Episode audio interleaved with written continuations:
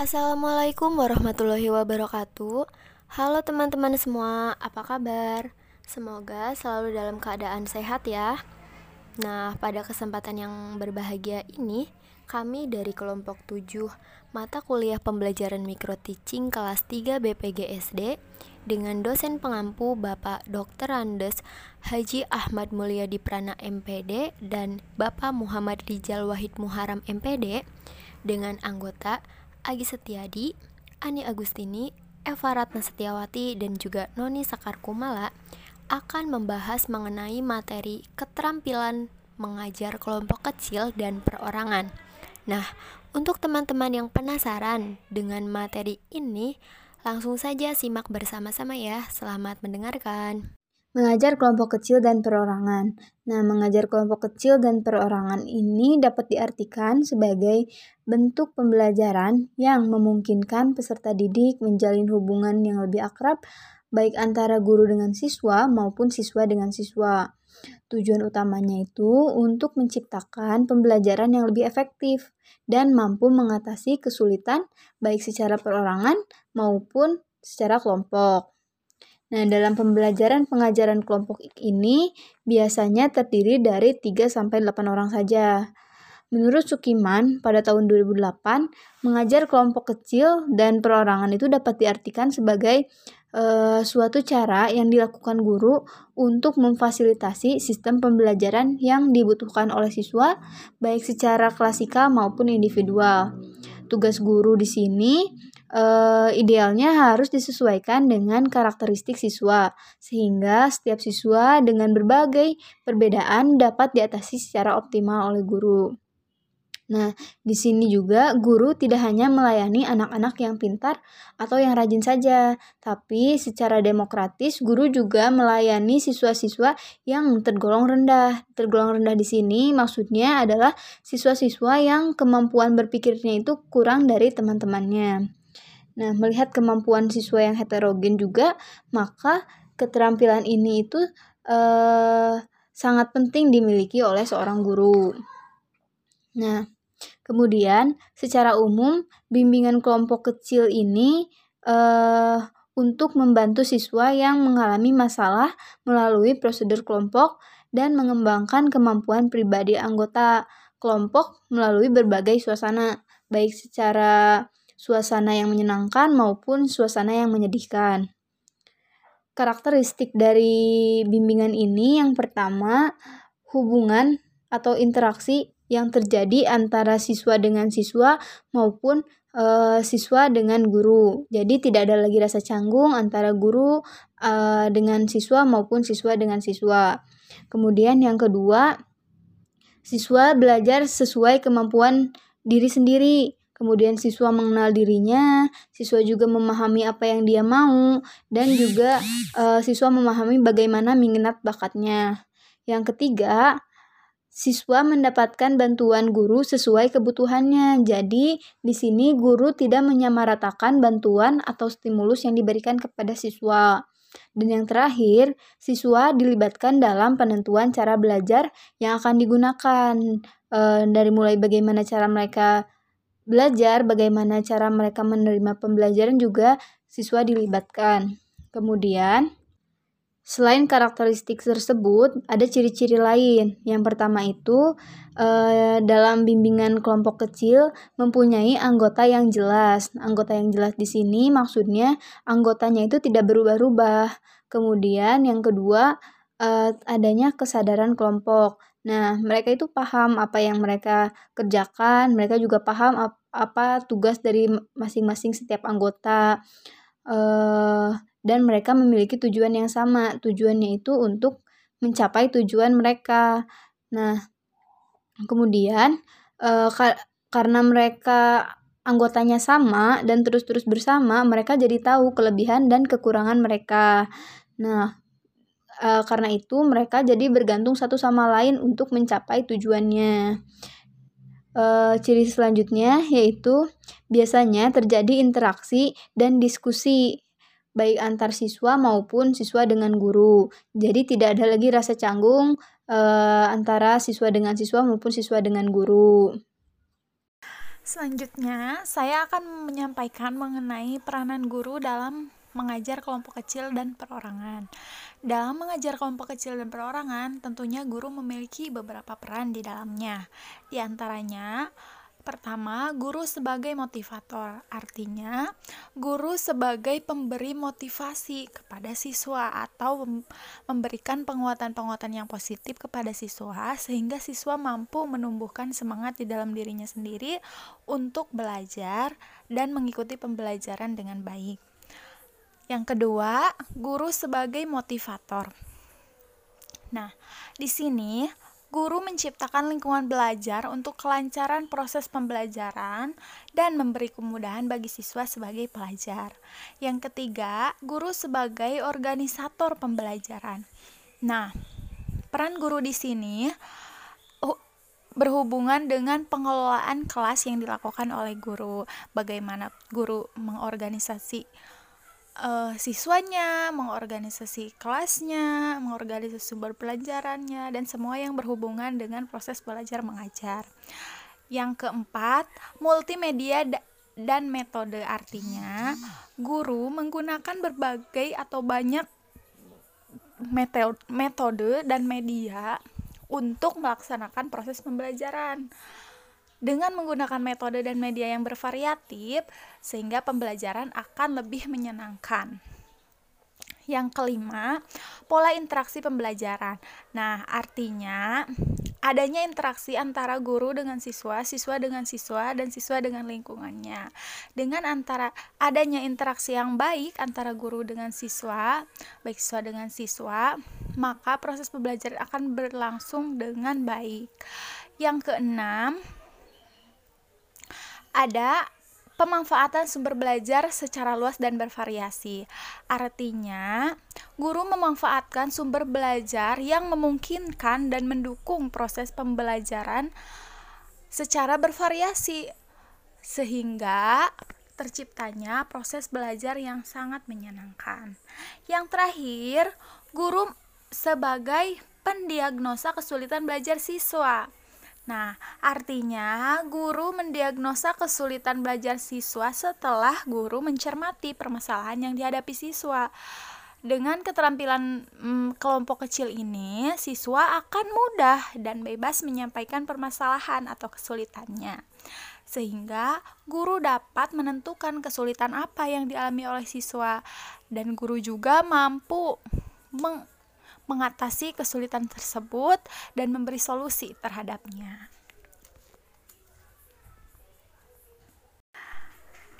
Nah, poin selanjutnya yaitu komponen keterampilan mengajar kelompok kecil dan perorangan.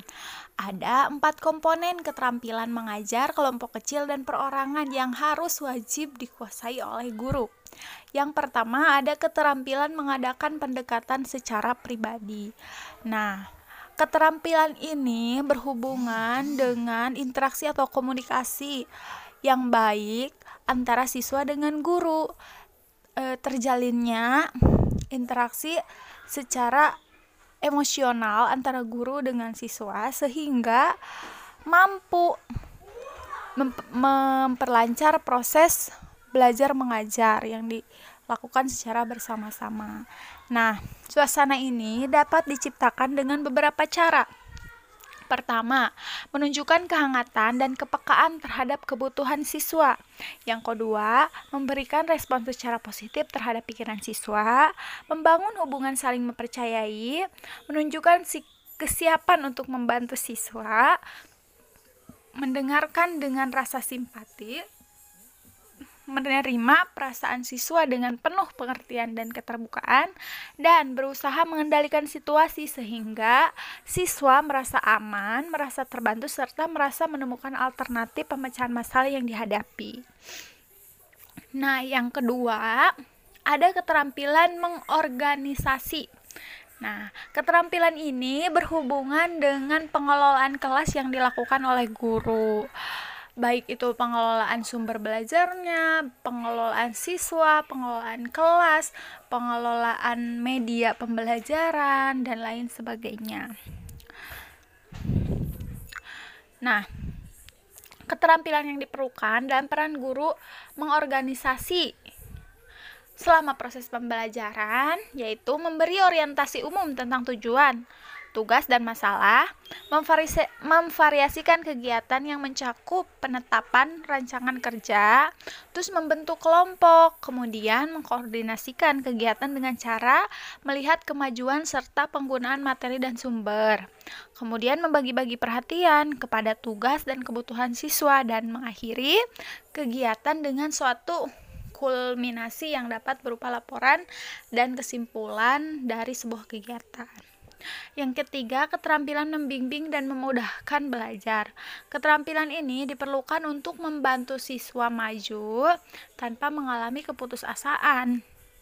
Adapun beberapa keterampilan yang dapat menunjang yaitu memberikan penguatan, mengembangkan supervisi proses awal, proses lanjutan, dan supervisi pemanduan. Nah, keterampilan membimbing dan memudahkan belajar di sini keterampilan di mana guru dapat mengarahkan atau menunjukkan siswa sehingga siswa mudah dalam melakukan proses pembelajaran. Dan yang terakhir, keterampilan merencanakan dan melaksanakan kegiatan belajar mengajar. Nah, keterampilan ini berhubungan dengan bagaimana cara guru merencanakan pembelajaran atau merencanakan proses pembelajaran yang diinginkannya. Seperti apa, menggunakan metode apa, alokasi waktunya seperti apa, kemudian pendekatannya menggunakan apa, materinya seperti apa, seperti itu dan keterampilan guru melaksanakan kegiatan belajar. Jadi, alokasi yang telah disediakan harus disesuaikan dengan materi yang akan diajarkan dan harus dimaksimalkan agar materi tersampaikan kepada siswa dengan baik dan siswa dapat memperoleh pengalaman belajar yang baik.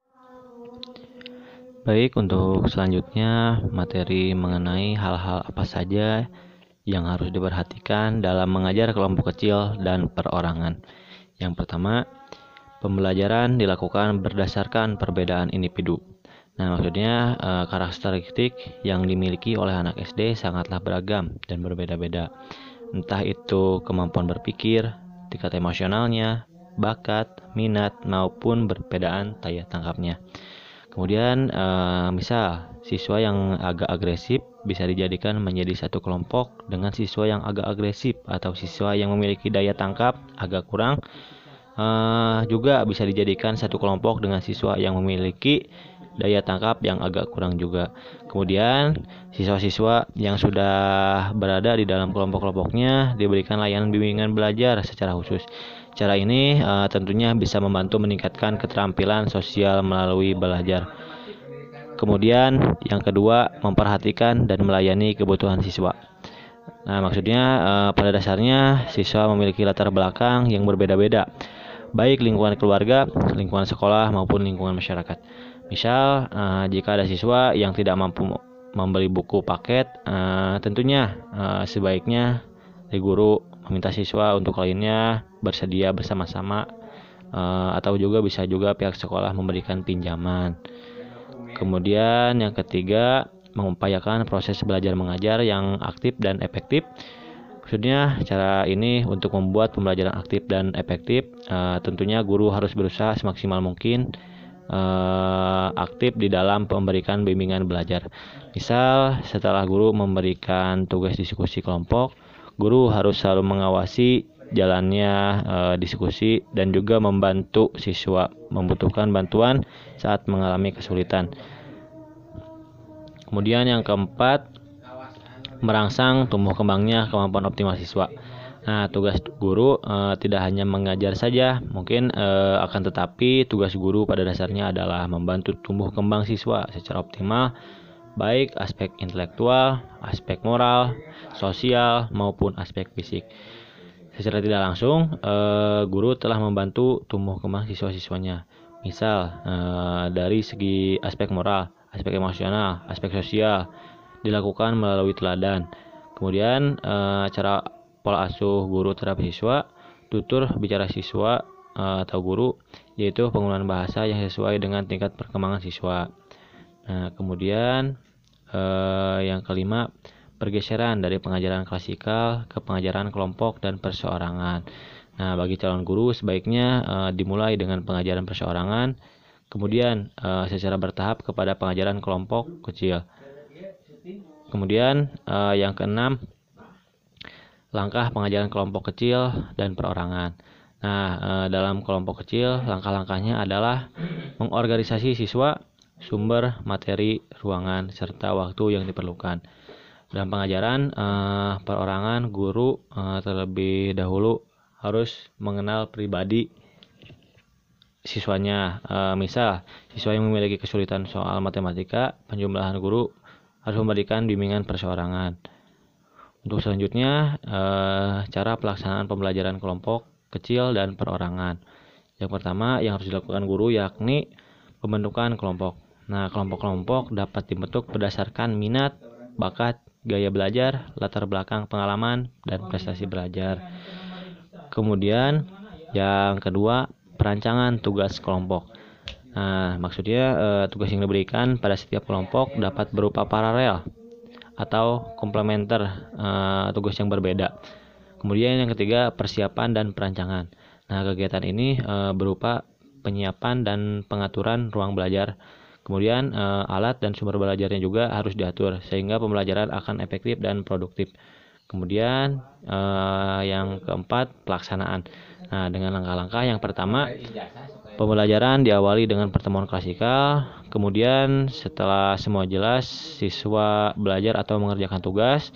Uh, tiga, guru berkeliling memantau kerja siswa sambil mengamati manakala ada yang memerlukan bantuan guru.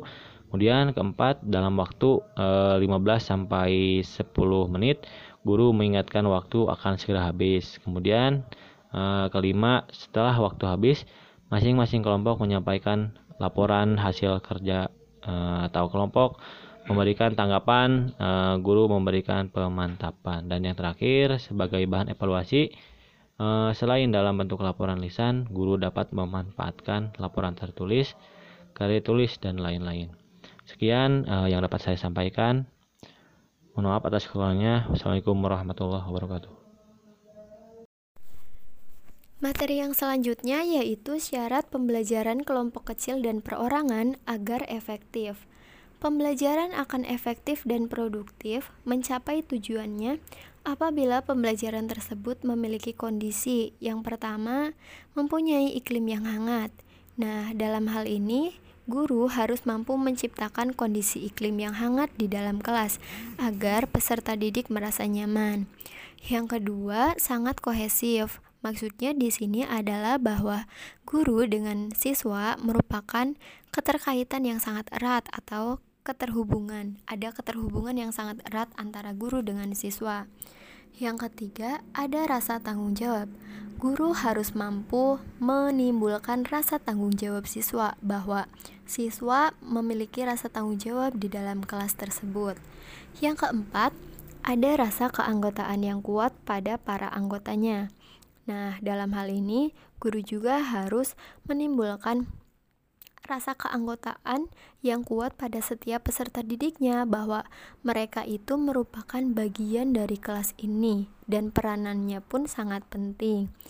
Untuk materi yang selanjutnya yaitu pentingnya guru menguasai keterampilan mengajar kelompok kecil dan perorangan. Yang pertama, pada dasarnya, murid mempunyai kemampuan dan cara belajar yang berbeda. Nah, dalam pengajaran klasikal, guru biasanya memperlakukan murid dengan cara yang sama kan ya? Sehingga perbedaan kemampuan dan cara belajar murid hampir tidak pernah mendapat perhatian. Nah, pada pengajaran klasikal memang perlu dilakukan agar murid menyadari bahwa tidak semua kebutuhan dapat dipenuhi. Namun, Guru juga haruslah mencari alternatif atau cara lain agar siswa bisa belajar sesuai dengan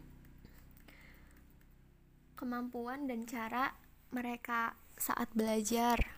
Sehingga dalam hal ini alternatifnya bisa menggunakan pengajaran kelompok kecil dan perorangan.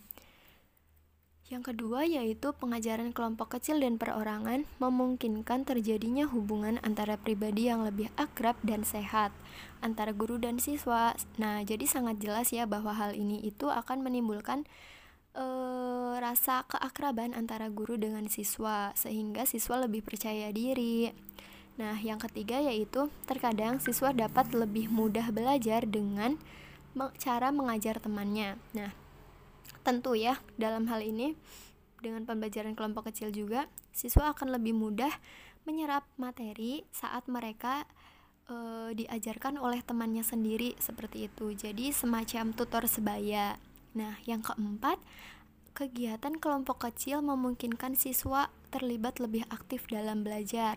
Nah, hal ini itu sangat sangat apa ya? Sangat penting karena siswa itu mampu belajar lebih aktif lagi yang biasanya siswa pasif di dalam kelas. Nah, dalam pembelajaran kelompok kecil ini, siswa itu sangat dituntut untuk lebih aktif dalam belajar dengan cara mereka berdiskusi, saling tukar pandangan dan pikiran dan lain sebagainya. Nah, yang kelima, eh, sejalan dengan kegiatan kelompok, kegiatan individu pun memiliki berbagai kekuatan. Dengan belajar sendiri, siswa akan memiliki rasa tanggung jawab belajar yang lebih besar. Di samping ia dapat belajar sesuai dengan kebutuhannya sendiri. Misalnya, jika siswa sudah mampu memecahkan soal-soal berhitung yang diberikan guru, dia dapat mengerjakan tugas lain yang uh, di, diberikan oleh guru. Jadi, semau dia. Nah, jadi di dalam hal ini banyak sekali ya e, manfaat bahwa guru harus menguasai keterampilan mengajar kelompok kecil, tentunya untuk mencapai tujuan pembelajaran itu sendiri. Wah, nggak kerasa ya ternyata pemateriannya sudah selesai.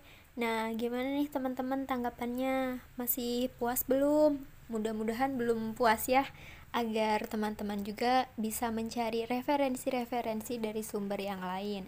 Nah, mungkin cukup sekian presentasi atau pemaparan materi dari kelompok kami. Mohon maaf apabila banyak kesalahan. Wabillahi taufiq wal hidayah. Wassalamualaikum warahmatullahi wabarakatuh.